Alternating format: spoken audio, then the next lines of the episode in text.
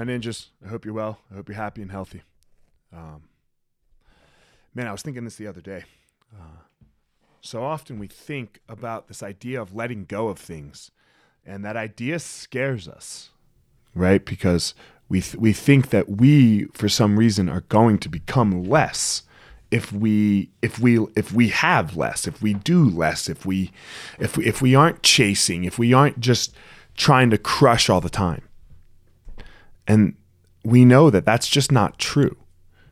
Right? We know it's not true that letting go means less. Letting go might be might mean more. You might have more time for the things that are actually important.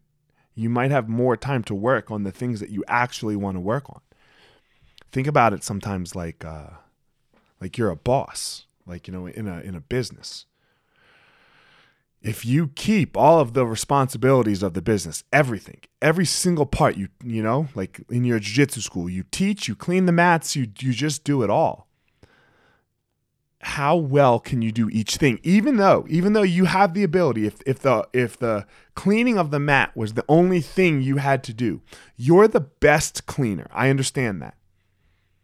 But if you have 30 other things to do, how well are you going to do each individual one? You, you know we know the answer. We know we do it worse. That's why that's why we delegate these things. So you find a cleaner. You know, you start to find instructors when you when you have more students, right? All all of those things. We have to do that with our lives too. We have to understand that sometimes less is more.